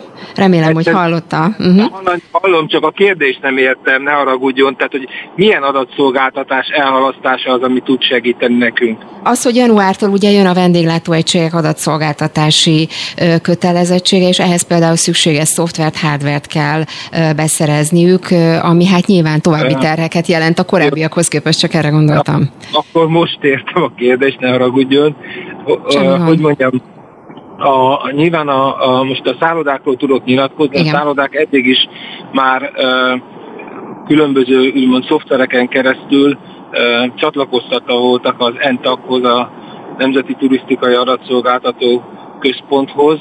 Most ez lényegében kiegészítésre kerül, ez egy minimális beruházás. Tehát azt kell mondjam, hogy nyilván az önálló ö, éttermeknél ez egyértelműen egy plusz ö, költséget jelent, majd azt követően az adatszolgáltatásoknak van egy havidíja is, de ezek a költségek és ezek a, a hogy mondjam, beruházások, ezek tényleg azt nyugodtan kijelentetem, hogy marginálisak a korábban említett problémákhoz viszonyítva. Egyébként, ha, ha ugye eddig legalábbis talán többnyire a szállodákról beszélgetünk, mennyire lehet, mennyire más a helyzete mondjuk az éttermeknek, vendéglátó helyeknek ilyen szempontból? Mennyire lehet egyáltalán a kettőt összehasonlítani? Hát, hogy mondjam, éttermek vonatkozásában nem szívesen nyilatkozom, de nyilván a kollégákkal folyamatosan egyeztetünk. Tehát itt is nagyon nagyok az eltérések, mint hogy a szállodaiparban is. Tehát vannak nagyon-nagyon korszerű konyhák, és egy olyan, hogy mondjam, belföldi vendégkörrel rendelkező éttermek, ahol jelen pillanatban azt gondolom, hogy a túlélés nagy valószínűséggel biztosított, és itt most direkt a túlélés szót használom, mert nyilván itt már messze nem arról beszélünk, hogy hogy termel profitot egy értékesítési egység, legyen ez étterem vagy szálloda, hanem konkrétan, hogy ilyen helyzetben hogyan tudja a vállalkozás megmenteni. De rengeteg kevésbé korszerű étterem van, alapvetően alacsonyabb jövedelmű vendégek nek próbálnak egyfajta szolgáltatást nyújtani. Ezek a, a, az éttermek pontosan a vásárlóerő csökkenése miatt biztos vagyok benne, hogy bezárásra kell, hogy kényszerüljenek. Uh-huh. Csabának a Magyar Szállodák és Éttermek Szövetségének elnökével beszélgettem. Köszönöm szépen önnek a beszélgetést. Szép napot kívánok, viszontlátásra! Minden jót, viszontlátásra! Friss hírek, információk, beszélgetések. A Spirit FM reggeli műsora. Indítsa velünk a napot, hogy képben legyen. A mikrofonnál Lampi Ágnes. Jó reggelt kívánok, 8 óra 6 perc van, így van, folytatódik az aktuál egészen 9 óráig tart a műsor. Tóró Nikolett a mai műsor szerkesztője. És akkor vágjunk is bele, azzal a témával kezdünk, hogy a 15. kerületi óvodák dolgozói nem fogják majd felvenni a munkát pénteken, mert hogy ezzel akarják felhívni a törvényhozók figyelmét a gyermekekkel dolgozó problémáira, a magyar köznevelés közoktatás méltatlan helyzetére. Erről beszélgetünk majd már is Cseldini német Angélával, 15. kerületi polgármester DK-s politikussal. Aztán utána szintén gyermekek ügyével folytatjuk, igaz kicsit más szempontból, mert hogy a jelenleg hatályos szabályozás szerint a gyermek abban az évben, amelynek augusztus 31. napjáig a hatodik életévét betölti, akkor tankötelessé válik. Na de mi van akkor, hogyha a szülő úgy gondolja, hogy még nem iskola érett és nem szeret szeretné, eh, hogy iskolába menjen a gyereke, hanem azt szeretné, hogy még egy évet az óvodában töltsön. Milyen lehetőségei vannak, erről beszélgetünk majd Takács Ádámmal, a TASZ jogászával. Aztán utána influenzáról, influenza szezonról lesz szó, mert hogy egyes szakértők szerint a szokásosnál is jóval intenzívebb lesz ez a mostani influenza szezon, hogy ez mennyire van így, és mire kell figyelnünk, arról majd Havasi Katalinnal, a Házi Gyermekorvosok Egyesületének elnökével beszélgetünk. Érintőlegesen szó volt már a mai adásban a szigetelésről, a lakások szigeteléséről, hogy milyen állapotban vannak az épületek, és hogy miért nem voltunk, vagy lehetünk képesek mondjuk akár az elmúlt években a lakóépületek szigetelését elvégezni, vagy akár mondjuk az átlagos szinten föntartani. Erről is beszélgetünk majd, és persze a fűtési szezonról is, mert hogy annak vannak veszélye, és nem elég, nem elég állandóan figyelmeztetni kell arra, hogy mire kell, hogy figyeljünk a fűtéssel kapcsolatban, úgyhogy erről is szó lesz már is. Spirit FM 92.9 a nagyváros hangja. Polgári engedetlenséget hirdettek október 21-ére a 15. kerületben. 400 óvodai dolgozó jelezte részvételi szándékát, így egy napra az összes óvoda bezár a kerületben.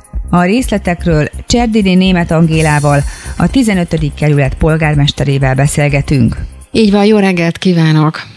Jó reggelt kívánok, sok szeretettel köszöntöm Önöket. Azon gondolkoztam, mert ugye pénteken volt nagyon komoly sztrájk, és nagyon sokféle demonstráció, élőlánc, flashmob, tüntetés, és nagyon sok egyéb akció a tanárok részéről, hogy, hogy ez most egy külön akciónak tekinthető, mármint az óvodások, vagy az óvodai dolgozók polgári engedetlensége teljesen külön van attól, ami mondjuk pénteken történt? Teljesen nincsen külön természetesen, hiszen az óvodáinkban dolgozó óvodapedagógusok pénteken is részt vettek a sztrájkban. Azonban ők úgy döntöttek, hogy annak lehet nagy hatása, vagy nagyobb hatása, hogyha egyszerre az összes óvodánkban nem veszik fel a munkát, illetve polgári engedetlenségbe kezdenek, és ehhez csatlakoztak az óvodapedagógusok, és a, a kerületi önkormányzat vezetése nevében minden támogatást ehhez megadunk a, az óvodai dolgozóknak, hiszen látjuk az ő munkájukat, látjuk azt, hogy mennyire nincsenek megbecsülve, és az, hogy 12 év alatt az Orbán kormány milyen visszafordíthatatlan károkat okozott a köznevelési rendszerben, úgy az iskolákban, mint az óvodákban. Ugye mi fenntartóként csak az óvodáért vagyunk felelősek, Úgyhogy így gondoltuk, hogy tudjuk támogatni őket. Mhm. Milyen visszajelzések érkeztek, ha érkeztek, akár szülőktől a, a, a kezdeményezés vonatkozásában, mert azért gondolom nem mindegyik szülő tudja könnyedén megoldani mondjuk akár a gyermek elhelyezését. Szóval arra vagyok csak kíváncsi, hogy mennyire, milyen a visszhangja egyelőre, hogy látja. Én elég, vagy viszonylag kevés szülőtől kaptam olyan visszajelzést, hogy nem tudja megoldani a gyermek elhelyezését, de erre a Csokonai Nonprofit Kft-nek az ügyvezetője azt találta ki, hogy minden hat telephelyen valamilyen foglalkozást tartanak azoknak a gyerekeknek, akiknek a szülője nem tudja megoldani, hogy otthon tartsa a gyereket, de egyébként a több, többség részéről a szolidaritást tapasztaljuk, a, a szülők otthon tudják tartani, és én erre azt szoktam mondani, és lehet, hogy ez nagyon csúnyán hangzik, de hogy a nevelés nélküli munkanapot sem szokták megkérdezni a szülőtől, hogy akkor meg tudja oldani a, a gyerek, el, a gyerek elhelyezését aznapra. Úgyhogy én úgy gondolom, hogy ennyi szolidaritásnak azért, hogy a mi gyerekeink utána jó kezekben legyenek, és nyugodt pedagógusok foglalkozzanak velük napközben, szerintem ennyit meg tudnak tenni. Mhm. Még egy kérdés ezzel kapcsolatban, hogy azt írták a, a, a, az óvodai dolgozók, hogy elsősorban nyilván a megalázóan alacsony fizetések miatt, és hogy úgy fogalmaztak, hogy még a megélhetésre sem elegendő a, a fizetésük jelenleg. Mit gondol, hogy ez mennyire pénzkérdés, és mennyi, mekkora emelésre lenne szükség mondjuk az ő esetükben?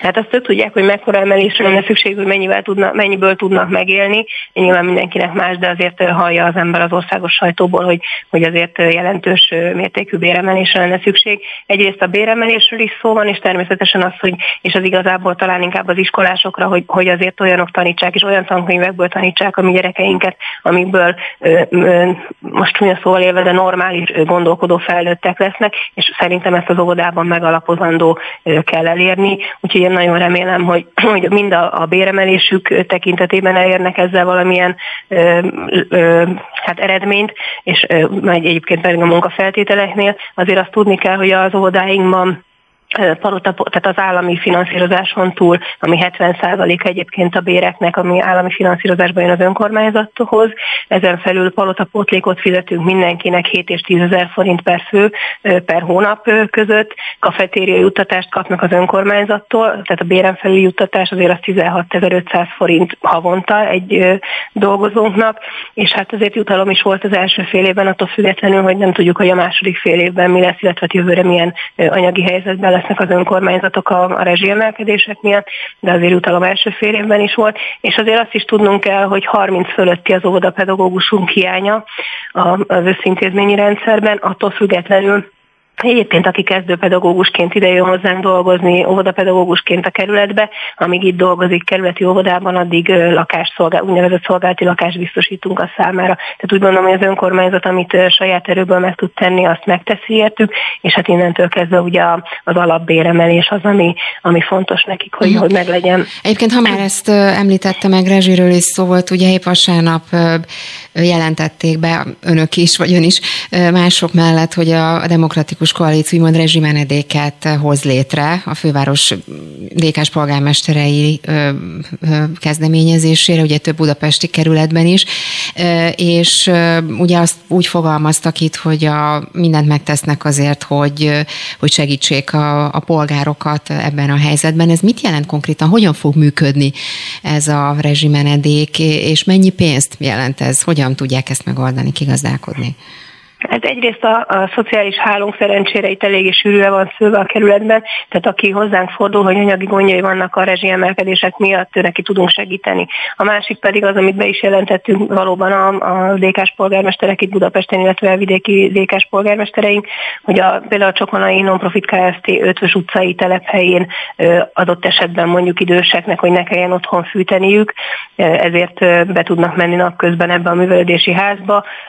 Csütört, jövő héten csütörtökön lesz képviselőtestületi döntés egyébként arról, hogy milyen hát megszorítások lesznek mondjuk a kerületben, vagy lehetnek a kerületben a rezsiemelkedések miatt, de úgy gondolom, hogy azt, hogy a, a művelődési házunkba be tud menni a, az idős vagy akár nem is az idős, hanem aki, aki otthon nem tud fűteni napközben, szerintem az is nagy segítség, és mondom azért a, a szociális hálunk az működik, tehát ha jelentkeznek azzal, hogy, hogy megszaladta a rezsiszámlájuk, akkor igyekszünk azt kifizetni vagy kompenzálni valamilyen szinten. Csárdini Német Angélának, 15. kerületi polgármesternek köszönöm szépen, hogy tudtunk beszélni. Szép napot Én ennek viszontlátásra. Köszönöm a keresés viszontlátásra. Spirit FM 92.9 A nagyváros hangja a hatályos szabályozás szerint a gyerek abban az évben, amelynek augusztus 31. napjáig a hatodik életévét betölti, tankötelessé válik. A szülők január 18-áig nyújthatják be kérelmeiket az oktatási hivatalhoz, ha szeretnék, ha a gyerek még egy évig az óvodában maradhasson. De mi alapján lehet ezt eldönteni, hogy a gyereke készen áll-e az iskolára? Erről is kérdezzük Takács Ádámot, a TASZ jogászát. Aki már itt van velünk. Jó reggelt kívánok! Jó reggelt kívánok! Hát igen, valóban nehéz kérdés mindez, hogy a szülő képes-e mindezt eldönteni, meg hát nyilván szakemberhez is fordulhat, aki segít ebben orientálni, hogy mennyire felkészült a gyermek az iskolára, vagy mennyire nem. Hogy látja, hogy mennyire reálisak azok az értékelések, amiket a szülők ilyen szempontból előhoznak, hogyha mondjuk azt szeretnék, hogy egy gyereke továbbra is az óvodában maradjon, vagy még egy évet az óvodában maradjon? Hát itt elsődlegesen az a fontos, hogy a szülő az, aki tudja, hogy a gyereke készen áll már arra, hogy az iskolába menjen vagy sem. Tehát az, hogy ő érzi azt, hogy iskola érett vagy sem, azt ő neki elég feltételeznie, és ezt követően, hogyha ezt meg tudja indokolni az oktatási hivatal számára, akkor az oktatási hivatalnak ezt el kell fogadni ezt a döntést, és engedélyezni kell a gyerek számára, hogy még egy évet az óvodában maradhasson. Erre különböző módok vannak. A, a legegyszerűbb talán az, hogyha az óvodapedagógustól hoz bizonyos dokumentumokat, amik alátámasztják az oktatási hivatal számára azt, hogy a gyerek még nem áll készen a, a, arra, hogy iskolába menjen. Mik lehetnek de, egyébként de, ezek, a, ezek az indokok vagy okok, vagy mik a leggyakoribbak? Hát többféle okot szoktak a szülők felhozni, de sokféle, ez alapvetően nem egy jogi kérdés, hanem ezt a pedagógiai szakszolgálat uh, tudja ezeket meg, megállapítani, de például mondjuk, hogyha a gyerek a, mondjuk a, figyel, olyan a figyelemhiányos, vagy mondjuk gyenge emlékező képessége van a gyereknek, a beszédben fejletlen, vagy a gondolkozásban, akkor ez, ez, ez megalapozhatja azt, hogy még egy évet maradjon, a, még egy évet maradjon az oldalban. Hmm. Nézzük akkor a jogi, jogi oldalt, vagy a jogi oldalát is ennek. Ugye itt elhangzott Igen. az előbb az, hogyha azt szeretné a szülő, hogy a gyereke még egy évig az óvodában maradhasson, akkor van egy határidő, benyújt egy erre vonatkozó kérelmet az oktatási hivatalhoz. Itt mi történik? Mi alapján dönt az oktatási hivatal, és kötelező érvényű ez a döntés? Szóval itt hogy működik? Hogy kell tovább lépni? Igen, szóval a szülőnek január 1-én, szok, január 1-én nyílik meg az a felület, amin keresztül elektronikusan be tudják nyújtani ezt a kérelmet, vagy, vagy postai úton be tudják küldeni a ezt az iskola halasztási kérelmet, ebben le kell írni gyakorlatilag azt, hogy mit tapasztal a szülő, tehát hogy mik ezek az indokok, emellé kell csatolni ezeket az iratokat. Hogyha az, az oktatási hivatal az iratok alapján tud dönteni, és nem, szükséges, nem, nem szükséges az, hogy szakértőt hallgassanak meg, akkor ez 8 napon belül le is folyik, és megadja az engedélyt arra, hogy ezt az, az, az iskola kezdést elhalaszták egy évvel. Ha viszont az iratok alapján nem tud dönteni, és úgy gondolja, hogy további információra van szüksége, akkor 50 nap a határidő, ekkor bevonják a helyi pedagógiai szolgálatot, és az ő segítségükkel, az ő szakértői véleményükkel fogják meghozni ezt a döntést. Uh-huh. Ugye ez mindenképpen egy meghatározó esemény a gyermek számára, már mint az, amikor óvodából iskolába megy. Mekkora, milyen nagy, vagy hogy milyen, milyen jogi problémák szoktak itt előkerülni, ha egyáltalán előkerülnek, vagy általában az a jellemző, hogy mondjuk az oktatási hivatal az esetek többségében megadja az engedélyt? Igen, hát a, ugye 2020-ban, amikor átalakították a rendszert, azelőtt az volt a, az iskolai érettséggel kapcsolatos döntést, azt az óvoda hozta meg, aki sokkal közelebb áll a, a gyerekekhez. Tehát ők azok, akik igazából ugye két-három éven keresztül figyelik a gyermek fejlődését, ők, ők, ők azok, akik igazán látják, hogy, hogy valóban iskola érettek-e vagy sem. És azzal, hogy 2020. januárjától ezt a döntést már, már az oktatási hivatal hozza meg, ami távol van a gyerekektől, és nem igazán érti ők, vagy nem is, nem is ismeri őket, azért csak iratok alapján ö, hozza meg a döntését az oktatási hivatal. És simán lehetséges, hogy a szülő érvei ellenére az oktatási hivatal egy megalapozott kérelmet is elutasít. És igazából mi abban segítünk a szülőknek, hogyha egy megalapozott érvekkel, megalapozott kérelem ellenére az oktatási hivatal nem, nem hozza meg ezt a, a döntést számukra, akkor utána fellebbezhessenek és érvényesítsék, uh-huh.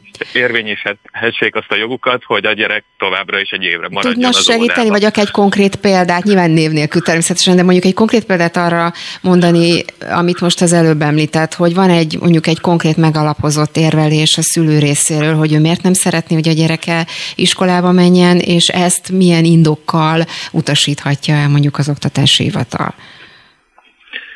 Mm, sokféle élethelyzet van, tehát vannak olyanok, akik a szociális képességeik miatt nem alkalmasak még arra, hogy, hogy, hogy, óvodá, hogy iskolába menjenek, mások azért, mert mondjuk a, nem tudom, saját maguk mondjuk nem annyira fejlettek a gondolkozásukban, tehát hogy nagyon sokféle gyerek van, és egyszerűen elképzelhető az, hogy csak az indokolt, hogy még egy évet az óvodában maradhassanak, hogy ezek a képességeik kifejlődjenek. És tehát nem lehet nagyon általánosságban fogalmazni, az a, az a lényeg, hogyha, hogyha nem indokolja azt pedagógiai szempontból semmi, hogy a gyerekek me, ö, iskolába menjenek, akkor továbbra is maradhassanak egy évet. Uh-huh. Köszönöm szépen Takács Ádámnak, a TASZ jogászának, hogy tudtunk erről beszélni. Szép napot önnek, viszont hallásra, minden jót. Köszönöm szépen, viszont hallásra. Spirit FM 92.9 A nagyváros hangja az influenza szezon kezdete itthon általában november elejére tehető, de már most érezhetően többen jelentkeznek a házi orvosoknál. Az elmúlt években a korlátozások, a kötelező maszkviselés miatt az influenza járvány enyhébb volt, de idén várható, hogy intenzívebben fog visszatérni.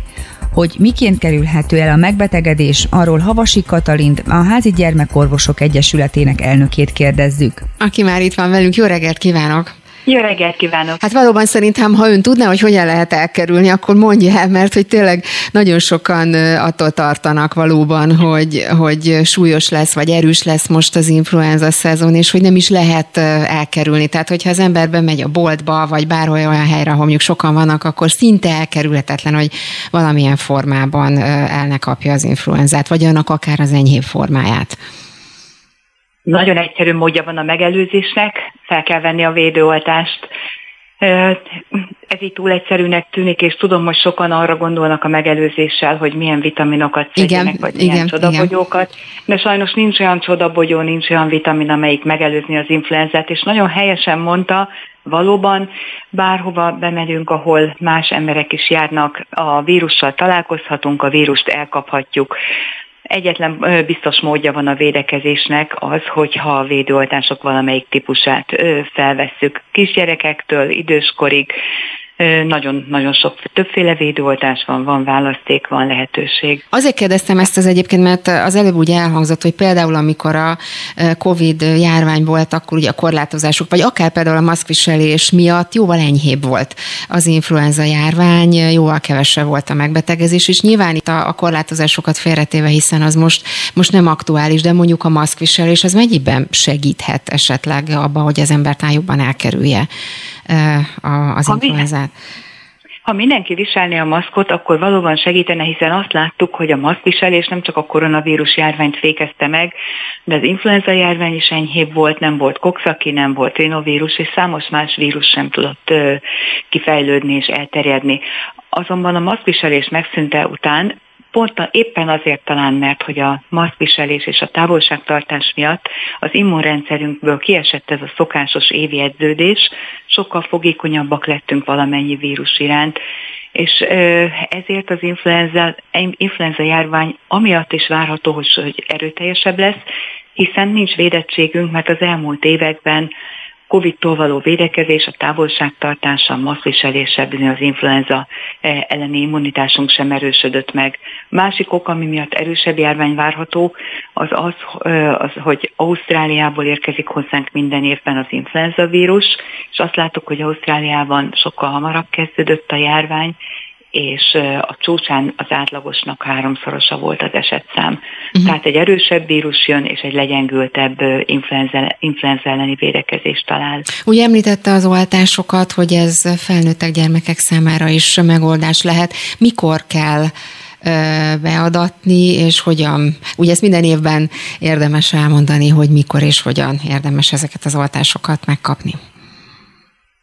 A védőoltásnak, a védőoltás három-négyféle vírus ellen is, vírus törzs ellen is véd, tehát minél hamarabb veszi föl valaki, annál nagyobb esélye van, hogy egyik, egyik sem fogja megbetegíteni, megbetegíteni a járvány során. A, van ingyenes védőoltás azok számára, akik a kockázati csoportba tartoznak. Itt a kisgyerekek, az idős emberek és elsősorban a krónikus betegek azok, akik számára biztosítja az állam. De mindenki nyug, bátran beszélne a házi orvosával, hiszen ha anyagi akadálya van, akkor, akkor ez áthidalható. Vannak receptre felírható védőoltások, rendkívül jó minőségű védőoltások, és gyerekeknek megjelent az idén már az szúrás nélküli védőoltás és a tű nélküli oltás, ami azok számára lehet megoldás, akik esetleg a tűtől való félelem miatt mhm. nem oltatják. Egyébként, ha már a gyermekeket említette, akkor tegyük már ezt helyre, mert itt azt lehetett olvasni sok helyen, hogy például a betegség szempontjából a gyermekek talán még veszélyeztetettebbek, mint a felnőttek, hogy az őszi-téli időszakban nyilván nagyon sokat vannak zárt térben, óvodában, iskolában, ahol nyilván ki vannak annak téve, hogy ugye elkaphatják ezt a vírust, és utána pedig jöhetnek a szövődmények. Ez mennyire igaz? Ön hogy látja? Sokan gondolják azt, hogy az influenza egy enyhe átha. Az influenza nagyon súlyos tud lenni, nagyon magas lázzal járhat, akár tüdőgyulladást okozhat, szövődményei lehetnek. A közösségbe járó gyermekek közül teljesen természetes, hogy minden vírust átadnak egymásnak, hiszen jó barátságban vannak, közel vannak egymáshoz, és vírusaikat is kicserélik, nem csak a játékaikat. Igen, gyakran látjuk azt, hogy az óvodás bölcsödés gyerekek egyik betegségből a másikba lépnek, és itt az influenza fertőzés után különösen gyakran látjuk azt, hogy, hogy aki egy erősebb influenza fertőzésen átesett, vagy hasonlót láttunk a Covid-nál is, utána bizony sokkal gyakrabban kapja el a többi egyébként más, más esetben könnyebb lefolyású vírust. Már még egy szempontja van annak, hogy a gyermekek, főleg 5 éves kor alatt ugye még az immunrendszer sem olyan erős, tehát a kisdedek, a bölcsödés gyerekek még inkább fogékonyak rá. És van ennek még egy szempontja, azokban az, az országokban, ahol egy-egy iskolás csoportot, vagy egy-egy városban, ahol egy, az iskolásokat be, és az óvodásokat beoltották, ott a felnőttek és az idősek között sem terjedt az influenza a gyerekeknek rendkívül nagy szerepe van abban, hogy a járványok kialakulnak. Tehát amellett, hogy a gyermekeinket megvédjük, a nagyszüleinket is megvédjük az influenza oltással, amennyiben a gyermeket uh-huh. elviszük a házi orvosához, és igényeljük számára a védettséget. Avasi Katalinnak a Házi Gyermekorvosok Egyesületének elnökének köszönöm szépen az információkat. Viszont hallásra! Köszönöm, viszont hallásra, jó egészséget! Friss hírek, információk, beszélgetések. A Spirit FM reggeli műsora.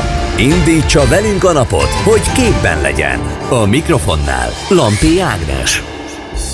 A hőszigetelés miközben a pénzről is szól, alapvetően egy morális kötelesség, mert azzal, hogy pazaroljuk az energiát, szennyezzük a környezetet, mondta Aszódi Tamás a napi.hu-nak.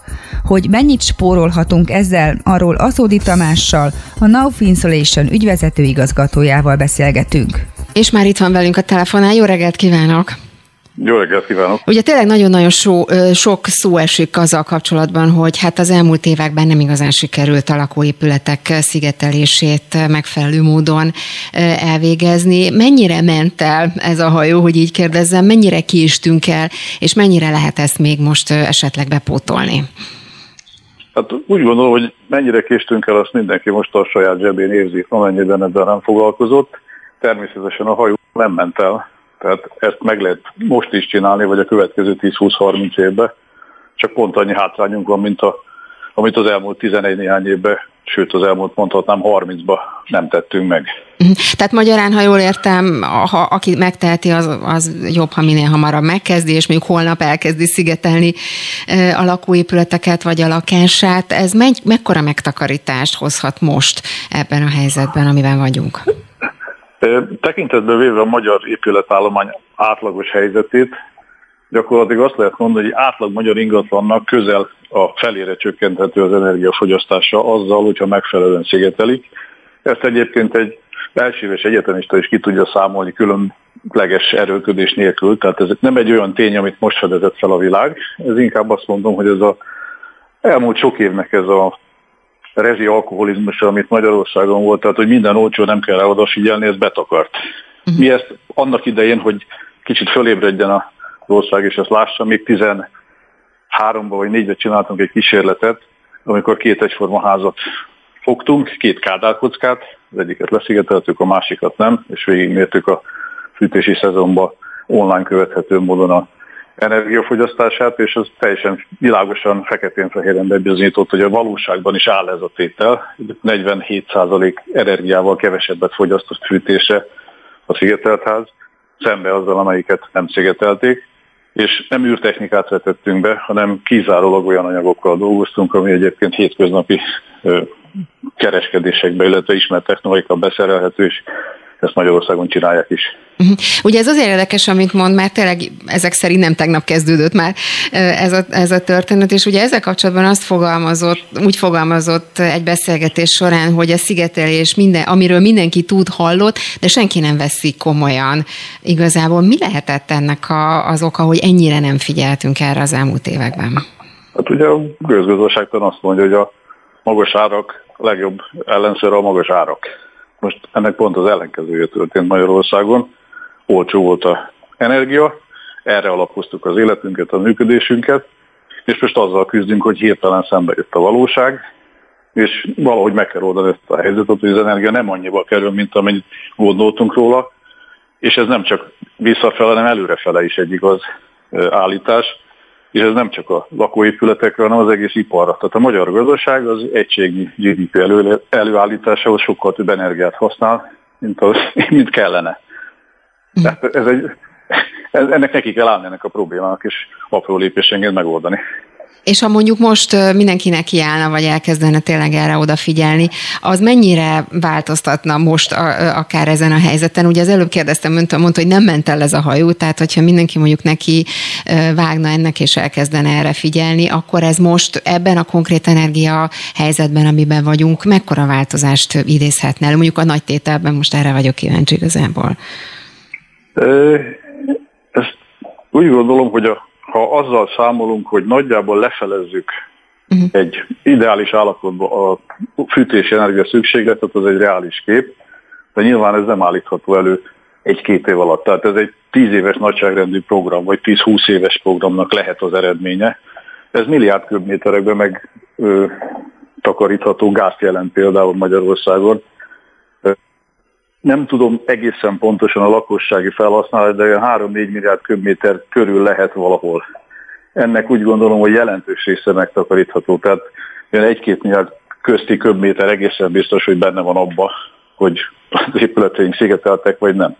De ez csak az egyik fele, amit már korábban is említettem sokszor, hogy a másik, ami, hogyha egyébként olcsó lenne a gáz, és nyugodtan befektethetnénk, akkor is van egy problémánk ugye a klímaváltozással, illetve a kibocsátási szintekkel, ami alapvetően, hát valaki nem emlékszik rá, akkor nyáron egy olyan asszály, meg olyan időjárási körülmények állnak elő, ami egyértelműen összefüggésbe hozható az emberi kibocsátásokkal. Tehát ez a másik fel a történetnek, nem pusztán annyi, hogy a zsebünket kevésbé húzza. Uh-huh. Egyébként Magyarország ebből a szempontból hogy áll a, mondjuk a környező országokhoz viszonyítva? Mennyire vagyunk ez ügyben elmaradva? Határozottan rosszul áll. Tehát Magyarországon nagyon kicsi része az épületeknek az, ami szigetelve van Ugye egy, egykoron voltak állami programok, amik aztán úgy szépen nyugodtan lecsöndesedtek, elhaltak. Én úgy gondolom, hogy a Magyarország legalább a 75% az épületeknek érintett lenne egy olyan programba, ami azt célozza, hogy jelentősen javítson az energia helyzetén. Tehát akkor idere, ideje lépni, és minél hamarabb, talán így foglalhatjuk össze. Nagyon-nagyon ideje. Köszönöm szépen a Szudi Tamásnak, a Finsulation ügyvezető igazgatójának. Szép napot önnek, viszont Köszönöm szépen, viszont kívánom. Spirit FM 92.9 A nagyváros hangja Elkezdődött a fűtési szezon, és vele együtt a különféle balesetek is. A fűtési szezon legjellemzőbb káresetei a kéménytüzek és a szénmonoxid mérgezéses esetek, amelyek legtöbbször megelőzhetőek lennének. Hogy mire érdemes figyelnünk, arról Dóka Imrével, az Országos Katasztrófa Védelmi Főigazgatóság helyettes szóvivőjével beszélgetünk. Jó reggelt kívánok! Jó reggelt kívánok! Minden évben ön is és a kollégái is felhívják a figyelmet a veszélyekre, hogyha ugye indul a fűtészi szezon. Most is tegyük meg ugyanezeket, hogy mondjuk el, hogy mire kell a leginkább odafigyelni. Nagyon fontos az, hogy mi magunk teremthetjük meg az otthonunk biztonságát. Itt akár az odafigyelésre, akár a karbantartás, illetve a kéményseprés rendszerességére hívjuk fel a figyelmet, hiszen a fűtési szezonban a KH kandallók, gázkazánok, konvektorok mind-mind úgymond potenciális veszélyforrásai lehetnek mind a tűzesetek kialakulásához, illetve akár a szénmonoxid mérgezéshez is. Ezeknek a megelőzése mindenképpen fontos, és mi magunk tudunk nagyon sok mindent tenni.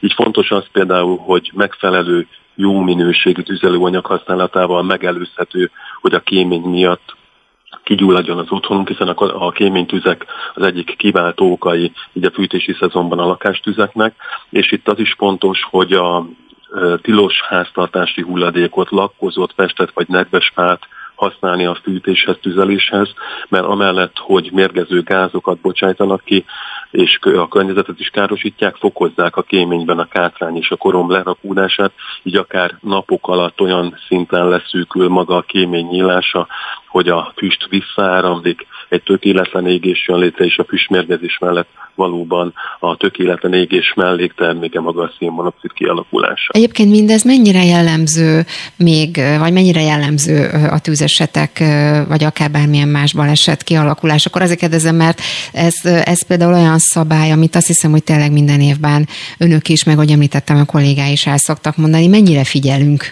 mégis, vagy mennyire figyelünk akkor erre oda? Változó képet mutat, ugye itt a napi híradások is, amit a különböző káresemények kapcsán ugye nyilvánosságra hozunk. Ilyenkor azért megugrik a kéménytüzeknek a száma, a kipattanó szikra által okozott lakástüzek száma, hiszen nagyon gyakori az például, hogy a kazánházban keletkezik tűz. Itt a bekészített tüzelőanyag túl közel van magához a tüzelőfűtőberendezéshez, KH-hoz, illetve akár a kazánhoz. És mindenképpen fontos az, hogy egy úgynevezett hő vagy tűztávolságot tartsunk, ne rakjuk a közvetlen közelébe, de gyakori hiba és gyakori probléma, visszatérő probléma évről évre az, hogy ilyenkor azért a ruhaszárítót is közel rakjuk akár a konvektorhoz, KH-hoz, skandalóhoz, és itt is az átmelegedett ruha könnyen be tud ízani, és lángba tudja borítani magát az adott helységet. Van különbség egyébként mondjuk a családi házaknál bekövetkező balesetek, vagy akár lakótelepen bekövetkező baleseteknél, vagy, vagy nagyjából hasonlóan működik? Hasonlóan nyilván az egylakásos úgynevezett családi házas övezetekben, ahol több fűtési technológiát is alkalmaznak, itt akár a vegyes tüzelésű kájhák kandalókra gondolok. Nyilván itt a kipattanó szikrából adódóan illetve a bekészített tüzelőanyag lángra lobbanását követően gyakoribbak a tűzesetek. A gázüzemű berendezések elsősorban ugye nyilván a társasházakban nagyobb számban vannak jelen, illetve itt nyilván ez a fűtési technológia terjedt el a távfűtés mellett. Ugyanakkor itt a társasházaknál, viszont a gázüzemi készülékek esetében a szénmonoxid mérgezés magasabb számban van jelen, mint akár a családi házasövezetekben. Mhm. Még egy utolsó kérdés a végére, hogy az, hogy hány baleset történik, az az évek során változik, csökkenő, esetleg azért kérdezem, mert, mert tényleg talán igyekszünk jobban odafigyelni, ennek ellenére tényleg, ahogy ön is mondja, sokszor hallani különböző balesetekről, problémákról, mérgezésekről az idők során. Mennyire figyelünk oda, szóval a balesetek száma az hogyan alakul az évek során? Nyilván nem lehet két telet összehasonlítani, ugyanúgy nincs két egyforma ingatlan sem Nyilván a, a hőmérséklet az nagyon meghatározó, tehát hogyha nagyon hideg van, akkor nyilván ugrásszerűen megnő azoknak a tűzeseteknek a száma, amelyek a fűtési technológiához vagy a hibás készülékek használatához vezetnek, és erre vezethetők vissza.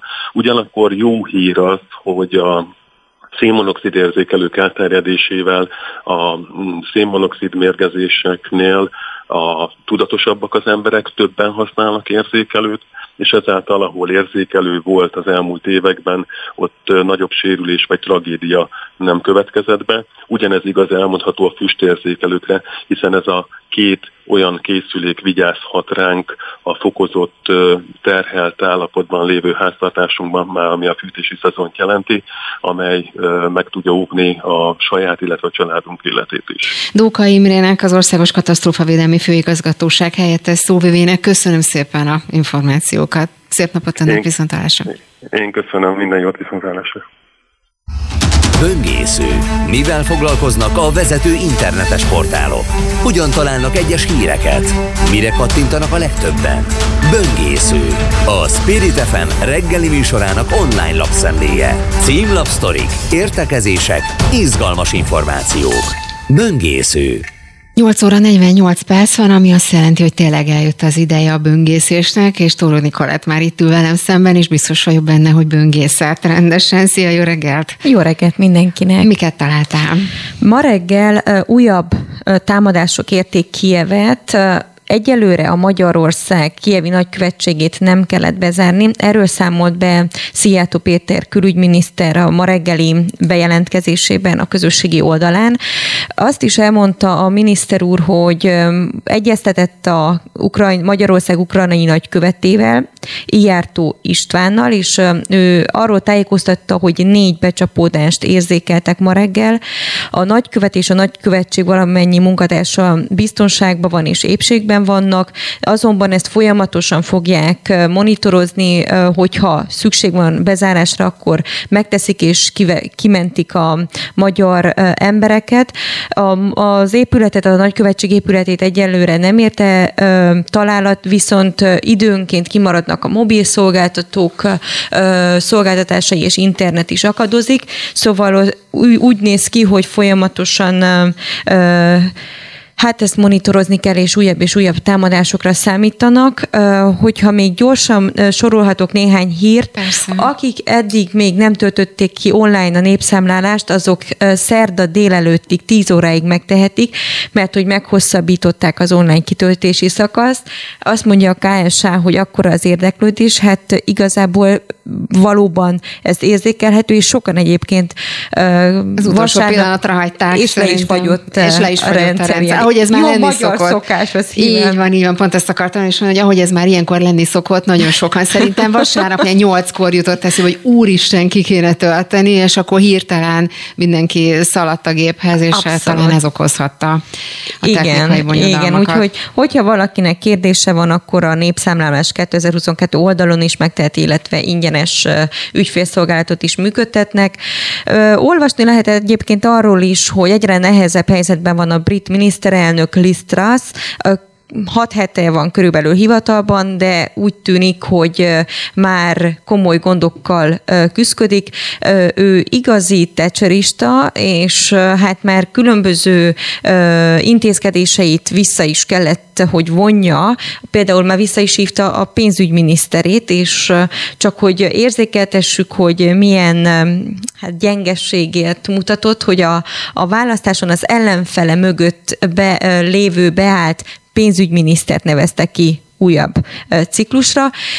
Hát azt mondják, hogy neki az egyetlen pozitív mentsége is meg, tehát ez az lehet az ő egyetlen mencsvára, hogy nincs utódja, tehát hogy ezért nem tudják még leváltani. Hogyha sikerül őt rövid időn belül leváltani, akkor a legrövidebb ideig uh, hivatalban lévő miniszterelnökként uh-huh. vonulhat be a történelembe, úgyhogy ezt folyamatosan figyelni fogjuk.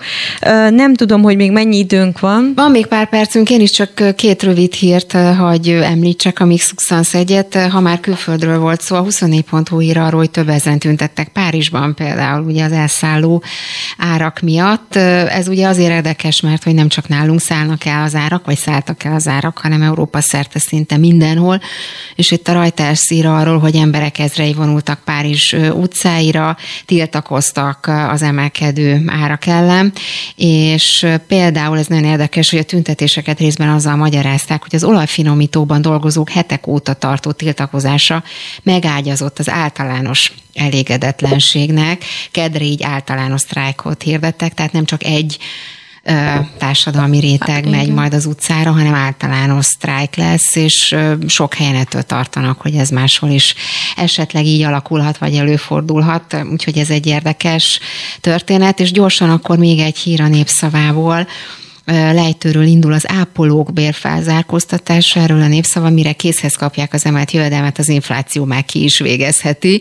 Ha már itt bérről meg, meg felzárkóztatásról van szó, azt írja a cikk, hogy hiába van ajánlás a szakdolgozó béremelésére, hamarosan a kormány elé kerülő az egészségügy átalakításáról készült államtitkári koncepcióban, mire a pénz eljut az érintettekhez, teljesen értékét veszítheti, ugye ebből is lehetnek problémák majd. Igen, hát ez a brutális 20 százalékos infláció azért eléggé megcsapja a béreket. Hasonló szociális válságról, krízisről számoltak be egyébként Miskolcon, Miskolcról is. Ott azt mondják, hogy már idén bedőlhet a város, és különböző önkormányzati alapszolgáltatások kerülnek veszélybe óvoda, bölcsöde, idősek otthona, a szociális és egészségügyi ellátás. Például idén 5 milliárdos, jövőre 15 milliárdos költségnövekedéssel számolnak, és azt mondja a polgármester, hogy ezt már ugye lehetetlen kigazdálkodni. Ami érdekes egyébként, itt ezt a Szabad Európa írta meg, hogy a, bár ilyen nehéz helyzetben vannak, a, a polgármester, Miskolc polgármester nem írta alá Karácsony Gergelynek a nyílt levelét, amit a miniszterelnökhöz címzett. Ugye ebben a főpolgármester azt kérte, hogy hívjanak össze egy rendkívüli energiacsúcsot, és hogy adják az önkormányzatoknak alapáron a paksi áramot. Hát ő azt mondja, az az álláspontja a a polgármesternek, mármint a vidéki Miskolci polgármesternek, hogy nem nyílt levelekben kell kommunikálni, hanem lekerülni tárgyalóasztalhoz, és ő nem tartja ezt célra vezetőnek. Ez is egy álláspont. És akkor még egy hír, egy írás a HVG-ből, Simor Andrásnak jelent meg írása. Ugye a jegybank volt elnökéről beszélgetünk, és az a címe a cikkének, hogy hitelességi bukta. Azért is érdekes, mert Simon András ugye azt mondta, hogy, hogy nem fogja elmondani többet a véleményét, visszavonul, és, csak, csak és nem fogja elmondani. Egyébként erről szó is van itt ebben, mert hogy azt ír, és ezt ki is emelik itt a cikkének, át publicisztikának a elején, hogy amit az MNB az elmúlt pár hónapban művelt, az példátlan szakmaiatlanságról, szolgalelkűségről és kapkodásról tanúskodik. Ezzel a megállapítással indokolta, hogy miért érezte úgy, hogy meg kell szegni a saját magának tett ígéretet, és hogy el kell mondania mégiscsak a véleményét mindarról, ami a monetáris politikában szerintem most történik. Az írás egyébként a HVG-ben olvasható, én csak az elejét tudtam még elolvasni, de tulajdonképpen ez a, ez a lényege már, mint ami a, a a MNB politikáját illeti. Ugye erről szóltam a adásban abszolút, is. Abszolút, abszolút. Hát ugye kaptunk is fizetési haladékot az MVM konkrétan Oroszország irányába, és ezt a kormányzati szereplők úgy értékelték, hogy hát ettől azt várták, hogy majd erősödik a forint. Különböző velük szemben kritikus közgazdászok pedig azt fogalmazták meg, hogy ennek az az üzenete a piac felé, hogy hát annak kell adni haladékot, aki nem tud fizetni. Tehát, hogy még inkább egy baj, bajra hívták fel így a figyelmet, meg hát ugye a politika, várják, mindenki azt várja, hogy lesz-e EU-s megállapodás, sikerül-e a politikusoknak uh-huh. megállapodni, mert hogy akkor talán újra megerősödött a bizalom. Hát erre nagyon kíváncsi vagyok. Minden esetre ezzel következő időszak szerintem talán választad erre is. Köszönöm szépen a friss híreket, információkat, és ennyi fért a mai adásban, a mai adásban, a mai aktuálba. Tóró Nikolett szerkesztő nevében is. Köszönöm szépen a figyelmüket, szép napot kívánok, viszontlátásra!